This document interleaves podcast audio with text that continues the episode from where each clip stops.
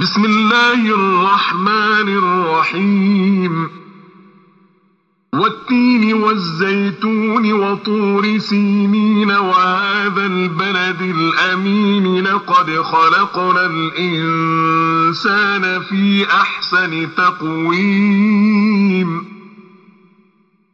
لقد خلقنا الإنسان في أحسن تقويم.